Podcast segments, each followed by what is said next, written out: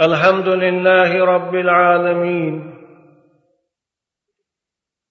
والصلاة والسلام على أشرف الأنبياء والمرسلين وعلى آله وأصحابه أجمعين.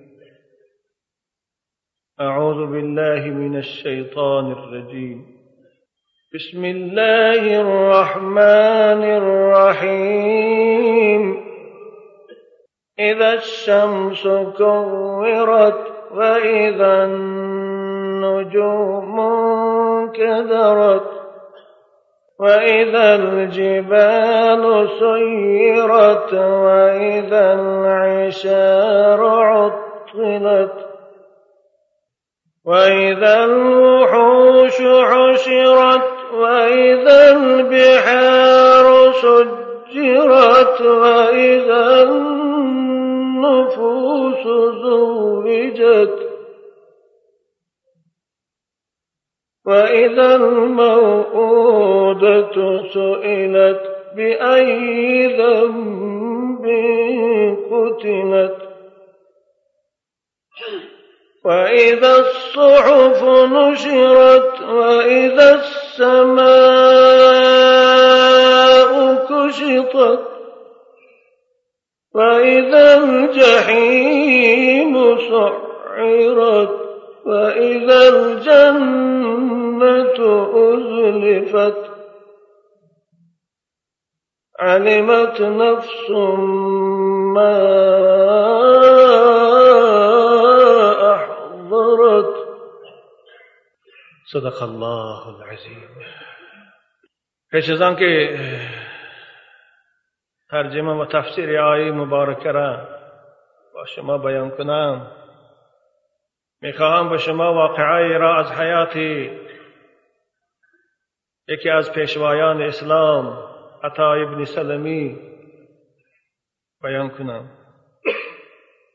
که چگونه پیشوایان اسلام و دوستان خدا از روز مرگ و از روز قیامت میترسیدند. وقال بعض الصالحين دخلنا على عتاء السلمي رضي الله تعالى عنه نعوده في المرض الذي مات فيه. یکی از دوستان خدا میگویند ما به خانه عطا ابن سلمی رفتیم. أو بیمار بود به خاطر خبر گرفتن. و به خاطر احوال او را و به خاطری که از آن کس یک نصیحت بشنویم. حضرت بالای بستری فقیرانه خود خواب بود. بستری فقیرانه شاید یک بوریا بود. شاید کرپیچه از لیف خرما بود. فقلنا له كيف تجد حالك يا عطاء؟ گفتین دوست خدا عطا حال تو چیست؟ چه حال داری؟ حضرت در جواب چه گفتن؟ الموت مسرعی. الموت في عنقي والقبر مسرعي والقيامة موقفي و جسر جهنم طریقی. گفت از حال من چی می‌پرسه مرگ برای من نوشته شده است. امروز یا فردا یا امشب مرگ به سراغ من می آید قرارگاه من خانه قبر است. همان خانه تاریک همان خانه خنک. همان خانه که کرپی او خاک است. همان خانه که بالشت او کلوخ است. خشت است. جای خواب من همان است. و از همه دهشتناکتر. من گناهگار در پیشگاه پروردگار خود رو فرو می شوم. روز قیامت روز دهشتناک. جای استادنی من است در پیشگاه پروردگار قهار.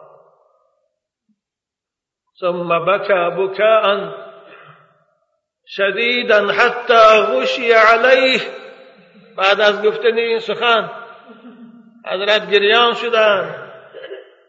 آب دیده هاشان میریخت. آخر از بسیاری گریه بهوش شدن و افتیدند. فلما افاق نادى ربه. وقتی که بهش آمد که ما در اطراف او نشسته بودیم ما هم از دیدن این منظره آب دیده می‌کردیم. حضرت بهش آمد دستاش برداشت. را که در حالتی آب دیده در حالتی ملایمی دیل دعا اجابت می شود حضرت گفتن الهی. الهی ارحم ضعفی. ومسرعي عند الموت. ووحشتي في القبر. ووقوفي بين يديك يا رب العالمين خدایا به حال من ناتوان رحم کن. خدایا در وقتی که ملک الموت برای قبض روح من می آید به این جسد ناتوان من سکرات مرگ آسان کن. خدایا در آن روزه که من در پیشگاه با عظمتت حاضر میگردانی آن روز به حال ناتوان من مهربان باش. ای بهترین مهربان ها ها این دعا رو می‌کرد و آب دیدش میریخت. این بود این بود حال عزیزان خدا دوستان خدا. با وجودی که همیشه با یاد خدا بودند با وجودی که از دنیا بیزار بودند با وجودی که همیشه در طاعت خدا و در شب بیداری بودند اینقدر خوف داشتند اینقدر ترس داشتند آننده که حضرت مولوی می‌گویند الهی الهی رحم کن کن بر حال من. در سختی بردن. گنهگارم زحد افزون. به عیبی خیش اقرارم. گنهگارم زحد افزون. به عیبی خیش اقرارم. الهی رحم از کرده های خود پشیمانم. همه ترسم لحد هرگز نمی سازد قبول من که از عرض و سما البته افزون است عصیان آه این است عزیزان من حال دوستای خدا و ترس آن از روز قیامت. باز می آییم. و ترجمه و تفسیر آیه های مبارکه تلاوت شده. اذا الشمس کورت. پیغمبر ای رسول بزرگوار بیاد آر روز راکی این آفتاب تابان و این آفتاب روشن سوزان. تیره می گردد تاریک می شود فاذا النجوم انکدرت و بیاد آر هنگام را که این ستارگان نور خود از دست می‌دهند و در این فضای کلام در این فضای به کنار عالم پاره پاره شده به زمین می افتند حضرت رسول اکرم صلی الله علیه و سلم می‌گویند يكور الله الشمس والقمر والنجوم. نزدیک قیامت پروردگار این آفتاب روشنه این آفتاب سوزانه با همه حرارت و روشناییش خاموش میگرداند مانند لطه که میپیچانند باید به قدرت خود میپیچاند. در آتش جهنم میپرتاید.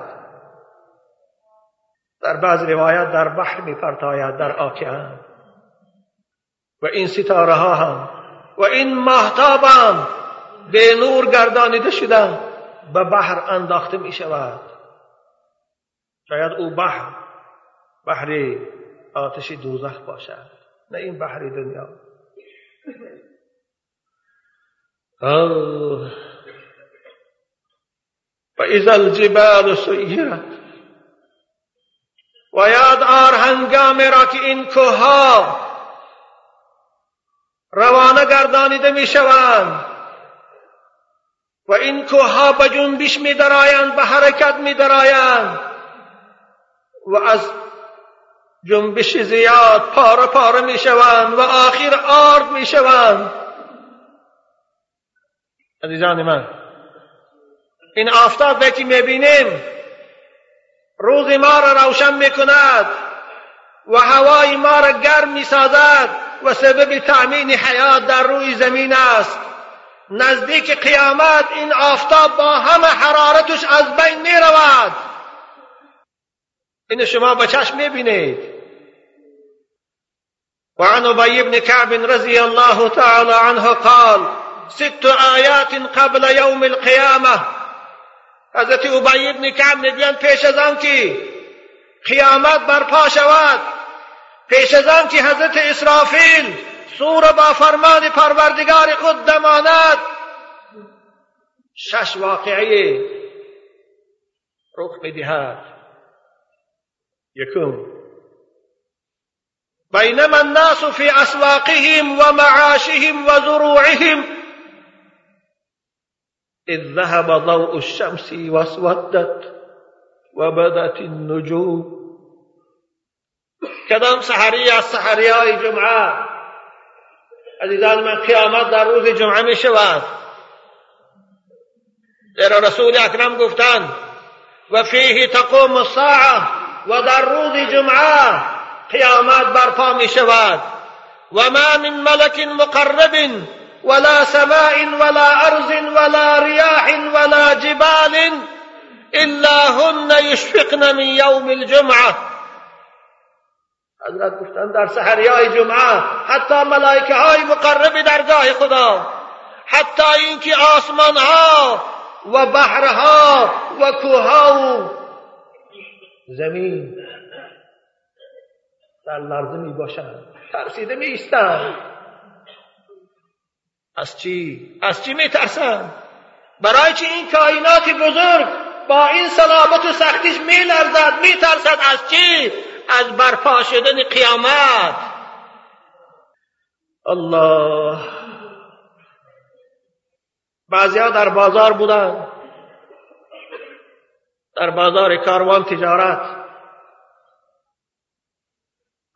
آوز می گرفت بعضی ها در صحرا پخته می چیندن بعضی ها در مکتب درس می دادن بعضی ها وزیرها باشند به کارخانه ها و به اداره های خود. سواری مرسدس و ماشینه های سبکرو می رفتن این حقیقت است. روز می آید بعضی ها با یکدیگر صحبت داشتند. بعضی ها در وقتی غذا خوریشان بود. که حیات هرگونه است در روی زمین. ناگهان آفتاب خیره می شود. آفتاب تیره می شود تاریک می شود. ستارگان در روز نمایان می شوند و تحیر الناس و دوهشو آدمها را دهشت فرا می‌گیرد آدمها حیران می‌شوند که خدایا چه گپ باشد. آن روز منکران قیا هم منکران قیامت و خدا هم. رو به خدا می آرند. شب گذشته بود یا شب پیشینش. از اورانیوس وقتی که تماشا می‌کردن زلزله یپان یاره حالتی جنبیدن زمین نشان داد. شش بله ریخته رفته بود است. وقتی که زمین لرزیده ایستاده بود خانه ها چپش ایزان بیچاره آدم ها را نشان داد. مادر و دخترها با یکدیگر در یک جا جمع شده یکدیگر آغوش کرده گریه می‌کردن دیگر جای گرفتن نبود. کجا میگریزد؟ این زمین جنبی شش ولی ریختر بود. اما زمین جنبی که در آن روز می شود شاید 600 بل باشد شاید 6000 بل باشد. اگر شما منظره رو دیده باشید دل آدم چاک می‌شد آدم ها رو واهمه زیر می‌کند دهشت فرا می‌گیرد خدایا چی گفت باشد؟ فبینما هم كذلك اذا تناثرت النجوم و تساقطت. در همین حالت دهشت و واهمگی تاریکی بود که یک بار از فضا ستاره ها کنده شده افتیدن می‌گیرند. ستاره هایی که شاید میلیون ها برابر زمین ما کلان است. پاره پاره شده بالای زمین افتیدن می‌گیرد شما تصور کنه بالای سری شما ده سنپاره های کلان آمدن گیرد چی واهمه بالای شما میبیاد چی دهشت شما را فرا می‌گیرد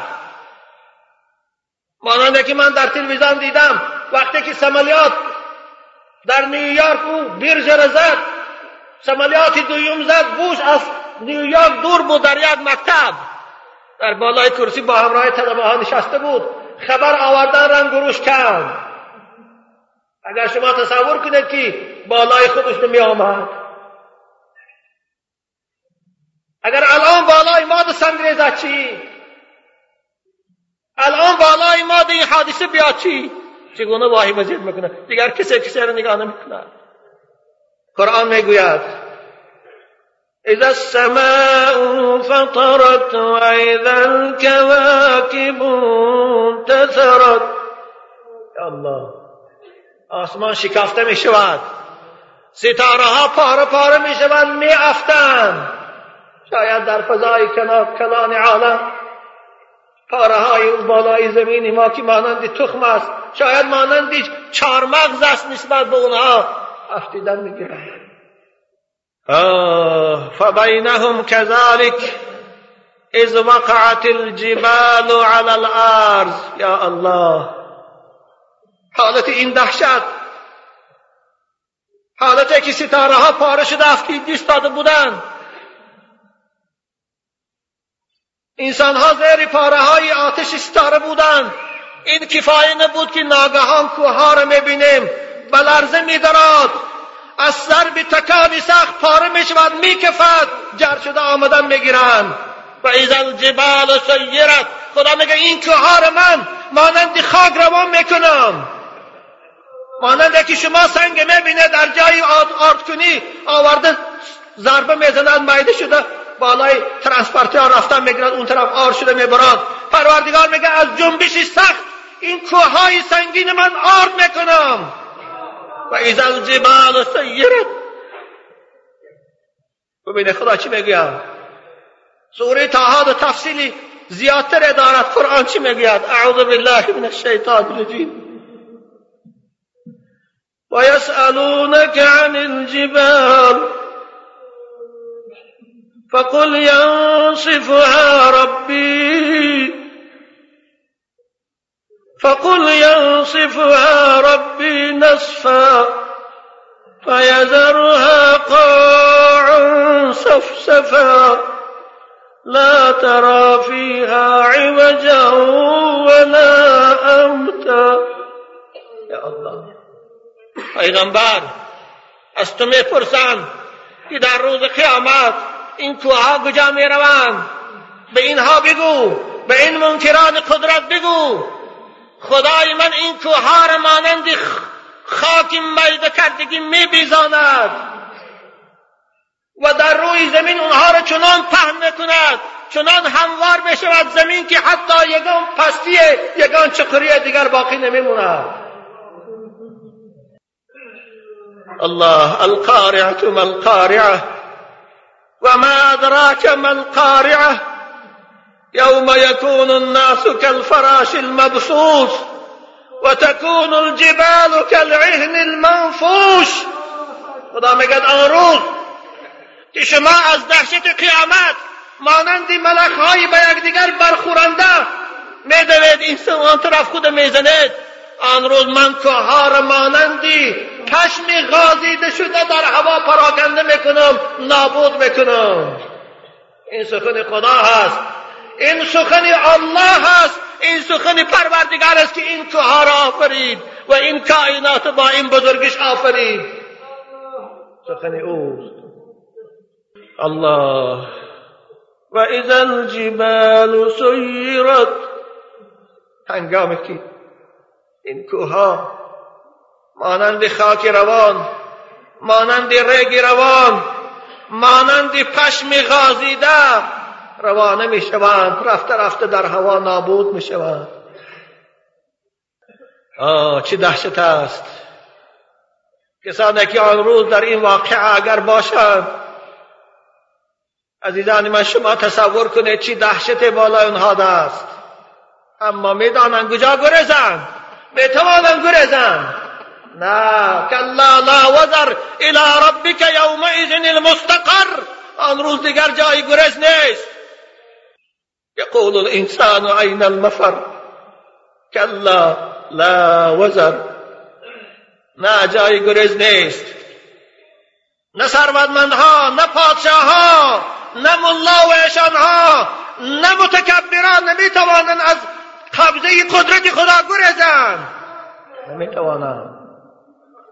لا وزر. يقول الإنسان أين المفر؟ يقول الإنسان الكافر. انسان کافر آن روز دهشت می گفته است آه جای گرز کجاست؟ در کجا پنهان شویم؟ از بامبه های امریکا صدام نتوانست در تحتانهاش کجا شود خلاص شود. مگر از بامبه های پروردگار می‌توانند اینها خلاص شوند؟ یا الله کوها بالای زمین دم می‌گیرند. سنگهای مانند کوه جر شده آمدن می‌گیرد. خدایا چه روزی دهشتناک است. و اذا الجبال سیرت و اذا الوحوش حشرت و اذا البحار سجرت. ففزع الناس ففزع الإنس إلى الجن والجن إلى الإنس واختدت الدواب والوحوش والطيور فماج بعضهم إلى بعض. حضرت گفتن انسان ها خود در بین جن ها میزنند آن روز جن ها در چشم نمایان میشوند. جن ها خود در بین انسان ها میزنند. حیوان ها با یکدیگر میدوند پرنده ها و چرنده ها با یکدیگر بر میخورند که انهم جراد منتشر. یا الله چه روزی سخت است. در این وقت جنها میگفتیند به انسان ها نحن نعطیکم بالخبر. شما باشه ما خبرش می بیاریم که چی گپ است؟ برای چی حادثه شده ایستاده است؟ وانطلقوا إلى البحار فإذا هي نار تتعجج وقتی که جنها به سوی بحرها می‌روند شاید یگان خبری از آسمان بفهمند از گفتگوی ملائکه ها شاید یگان خبری نو تازه فهمند که چی گپ باشد. وقتی که به سوی بحرها و آکیانها می‌روند می‌بینند آکیان آتلانتیک و هند و آرام یخبسته شمالی و همه دریاها و بحرها علنگه زده آتش شده ایستاده است. همان خدایی که از زیر بحر والتن میبرارد چگونه بالای بحر ولکن لخچه علاب سرخ می تمام بحر و آکیانها روز قیامت پیش از برپا شدن قیامت مبدل به آتش می شود و اذا البحار سجرت و یاد آر هنگام که این آبها و بحرها و آکیانها آتش داده می شود این خدا گفتی ایستاده آه. بحرها آکیانها دریاها همه آتش میگردند. فبینما هم كذلك فبينما هم كذلك إذ صدعت الأرض واحدة. در این دهشت واهمه بود. همه بحرها آتش شده آمدن می‌گیرن به سوی خشکی ها در این حالت دهشت ناگهان زمین جنبی سخته می شود که زمین پاره پاره می شود و صدعت الارض صدعتا واحده زمین جنبی شش هزار بلا نه شش بل زمین پاره می شود پاره می شود تمام تا پایان. دو بولک می شود پاره پاره می شود می ریزد در فضا. زمین ما معلق است. یا الله. قرآن چی می‌گوید؟ اعوذ بالله من الشیطان الرجیم. يا أيها الناس اتقوا ربكم إن زلزلة الساعة شيء عظيم. يوم ترونها تذهل كل مرضعة عما رضعت وتضع ذات كل حمل حملها وترى الناس سكارى وما هم بسكارى. ولكن عذاب الله شدید الله. خدا میگه ای بندگان من. ای انسان ها ای متکبرا ای کسانی که مسجد ها رو من می‌کنید از خدای خود ترسید. اتقوا ربکم زیرا که در پیش روی شما در روز شما زمین جنبی سخت انتظار است. آن زمین جنبی روز زمین شما را پاره می‌کند. روز دلهای شما را میکفاند جگرهای شما را پاره می‌کند. ان زلزلت الساعت شیء عظیم. زمین جنبی روز قیامت زمین جنبی سخت است. نه زمین جنبی خیتای نه زمین جنبی یپانیا. شش هزار بلاست. شاید ششصد هزار بلاست که این زمین خاک بشود. یوم ترونها تذهل کل مرزعت عما ارزعت وقتی که شما می‌بینید آن روزی سخته آن زمین جنبی دهشتناکه که چنان سخت و دهشتناک است که حتی مادر از بحر طفل خود میگذرد. حتی زمین مادرهای حامل دار بچه های خود میپرتاید مادر ازار مادر ازار طفلکه که پیستان در دهان او داشت به جانش جان او برابر بود.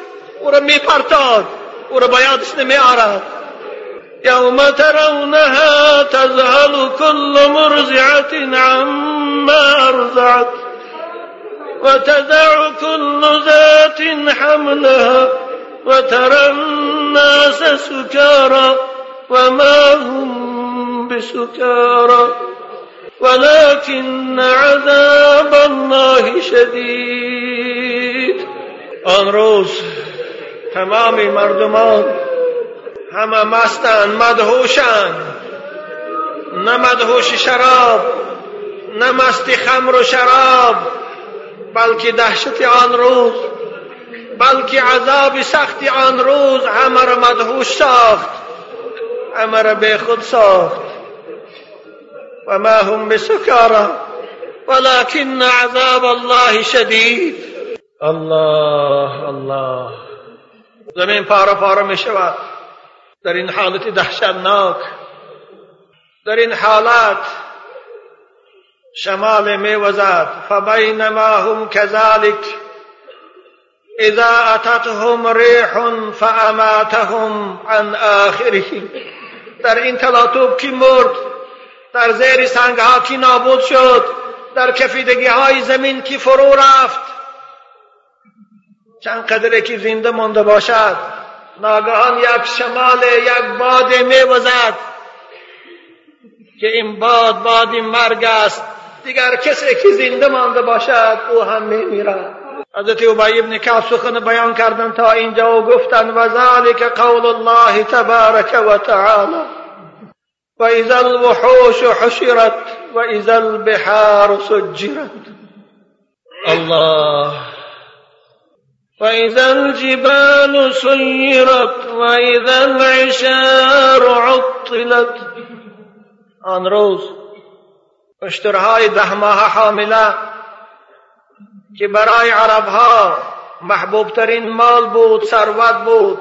قرآن که به عرب آمده است بنابر همون اشترهای دوست می داشتگی اونها را گفت.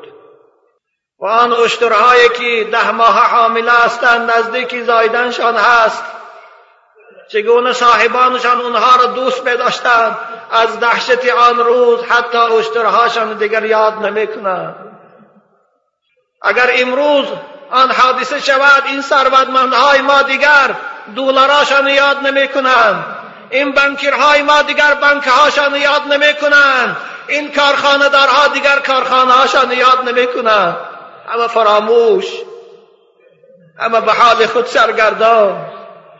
و اذا العشار عطلت و اذا الوحوش حشرت اذا البحار سجرت و اذا النفوس زوجت. روز. پروردگار می‌گوید هر انسان من با همراه دوستش با همراه مخلصش یک جایی میگرداند. رسول اکرم تفسیر این آیه مبارکه می‌گویند. یقرن کل رجل مع القوم الذي كانوا يعملون كعمله. آن روز هر یک شخص با همراهی کسانی که در دنیا با أو رفت آمد داشت و کاری اونها را انجام میداد یک جای حشر میکنیم. آن روز مؤمن ها همراه مؤمن هاست نمازگزاران همراه نمازگزاران است روزخورها همراه روزخورهاست به نمازها همراه به نمازهاست عرق همراه عرق نوشاست و امتاز اليوم ایها المجرمون. حضرتی عمر رضی الله تعالی عنہ می آیت می خواندند حضرت می گفتند یقرن الرجل الفاجر مع الفاجر و یقرن الرجل الصالح مع الصالح. بندگان خدا نیک خدا همراه بندگان خاص خدا هم. و بندگان فاجر و فاسق و گناهگار همراه فاسقان و فاجران هم. آن روز روز یک جایگی نیست. و اذا النفوس زوجت کودکانی که زنده به زنده در گور کرده شده بودند و دخترکانی که از دست پدر و مادرانی جاهل خود زنده به زنده زیر خاک شده بودند آن روز پروردگار از اونها می‌پرسد این واقعه در روز قیامت به وقوع می آید وقتی که زمین پاره شد وقتی که همه انسان ها نابود شدند و در روی زمین یگان جانداری زنده باقی نمود پروردگار به حضرت عزرائیل که ملک الموت است ندا کرده می‌گوید یا ملک الموت من بقی من خلقی. ای ملائکه قابض ارواح بگو بگو از بندگان من از مخلوقات من کی زنده موند؟ خدا خودش می‌داند کی زنده موند حضرت عزرائیل می‌گوید ملک الموت خدایا از بندگان تو جبرائیل زنده موند میکائیل زنده موند اسرافیل زنده موند و من بندی ضعیف و ناتوانود عزرائیل. پروردگار می‌گوید ملک الموت اقبض روح جبريل رو. رو روح جبرائیل بندی ملک مقرب من روحش قبض کن. حضرت ازرائیل می رود که جبرائیل امین در مقام عبادت سر در سجده مونده به پروردگار خود مناجات دارد. می‌گوید جبرائیل امین حالا خبرداری. همه موجودات از بین رفت. اکنون قرب قیامت شد. امر پروردگار است برای قبل روح تو من آمدم. حضرت جبرائیل سر از سجده می بردارد پروردگار خود مناجات می‌کنه می‌گوید اللهم اوین علی سکرات الموت. خدایا برای این بندی ناتوان تلخی جان کندن آسان گردان. جبرائیل همین که 600 قنات دارد و هر قناتی او قوت داشت که کره زمین چپه می‌کرد. با وجود این در پیشگاهی قدرت پروردگار خوانند پشه. یا الله نمی‌تواند چی کاری کنه حضرت عزرائیل برادر خود جبرائیل در آغوش می‌گیرد و با یک جقیش بدن روح از بدن او میبرارد و نزد حضرت اسرافیل می‌رود و نزد میکائیل می‌رود. هر سه اونها را هم روحاشان قبض می‌کنند پروردگار میگه یا ملک یا ملک الموت من بقی من خلقی با کی موند حضرت من خدایا عبدك الذلیل الضعیف بین یدیک ملک الموت. خدایا فقط من؟ بنده ناتوان عاجز من موندم دیگر هیچ موجودی زنده نیست. فقط من.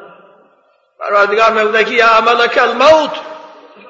مت ای ملک الموت تو هم وفات کن. تو هم از بین را. در که حکم ازلی من است که کل شیء هالک الا وجهه. له الحكم و الیه ترجعون. ابن جوزی در کتاب بستان الواعدینش می‌گوید وقتی که حضرت عزرائیل برای قبض روح خود مشغول می شود آره جان شیرین است. وقتی کشیدن روح از بدن خود یک فریادی جانگداز می‌کند که اگر یگان موجود زنده در آن عالم می بود از دهشت فریاد او تلخ کف می شد و می بود یا الله هیچ موجود زنده نمیمونه. نه در روی زمین و این کره بخار یکسان شده نه در کائنات. هیچ موجود زنده نمیموند. در که قرآن می‌گوید اعوذ بالله من الشیطان الرجیم. كل من عليها فان ويبقى وجه ربك ذو الجلال والإكرام همه موجوداتی که در این عالم هستند نابود می‌شوند.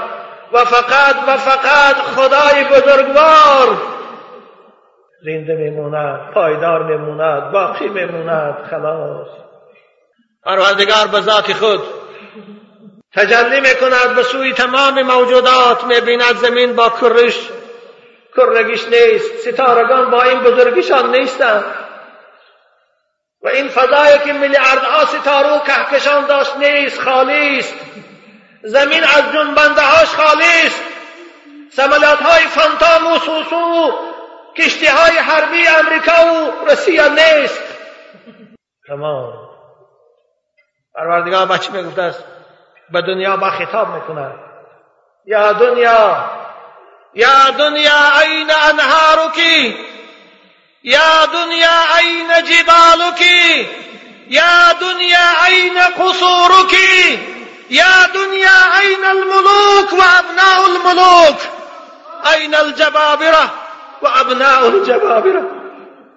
أين الذين عاشوا في خيري وأكلوا رزقي وعبدوا غيري؟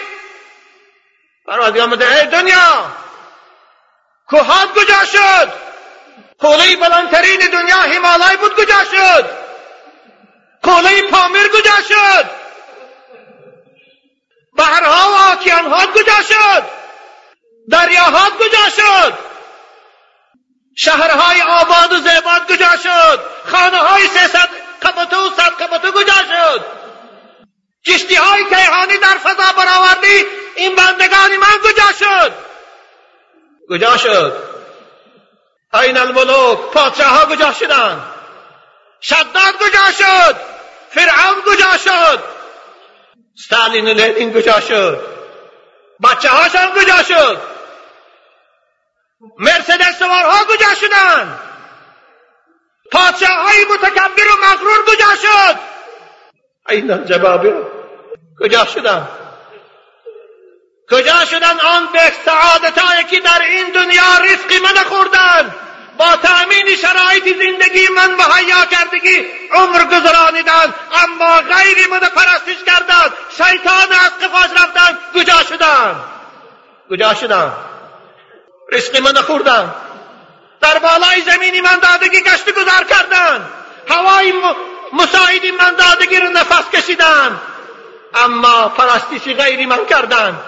به حکم من نرفتن. به قرآن من عمل نکردن. استفای دشمنای من رفتن کجا شدن. کی جواب متیاد آن روز کی جواب متیاد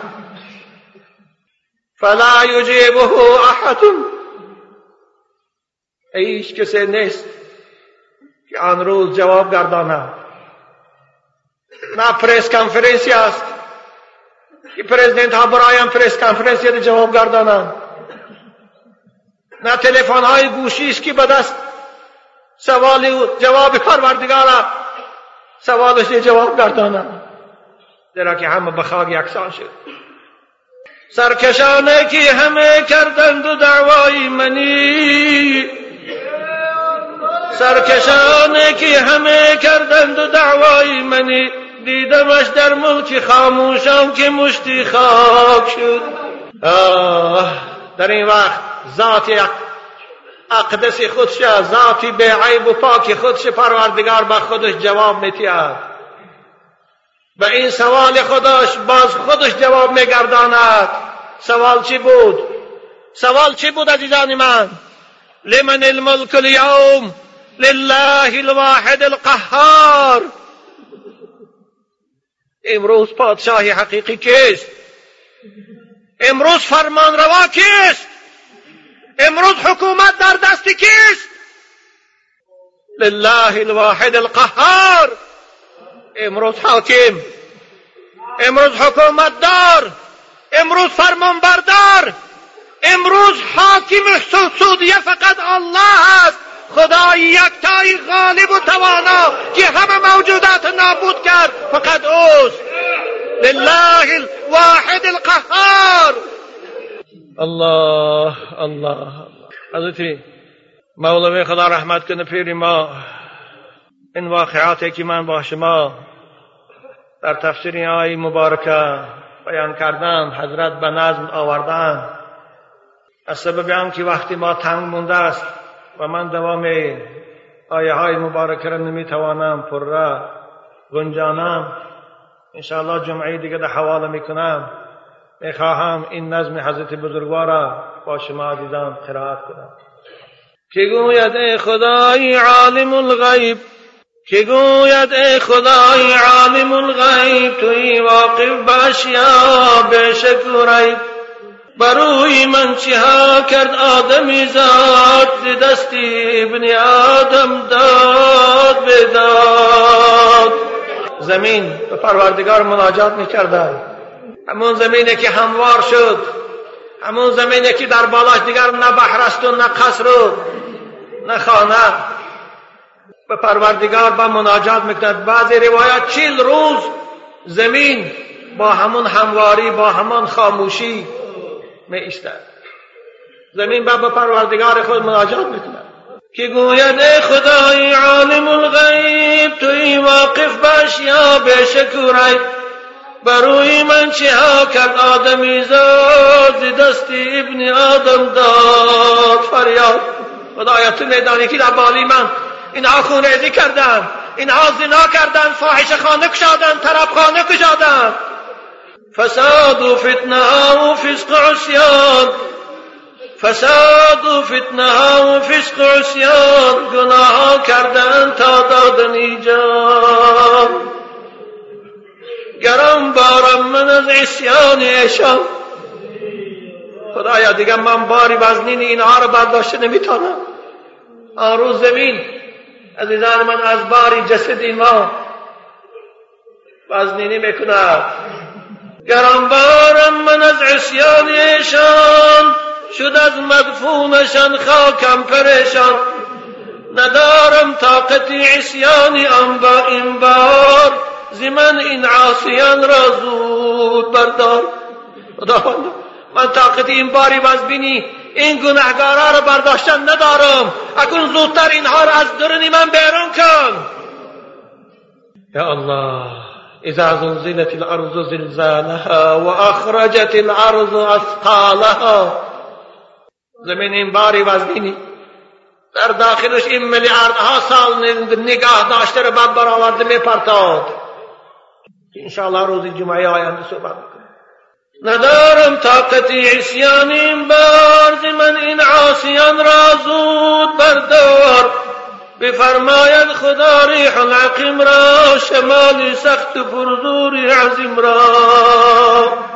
و پروردگار می‌گفت که اکنون زمین تو خاموش باش. ما نالو و فریاد تو را شنیدیم.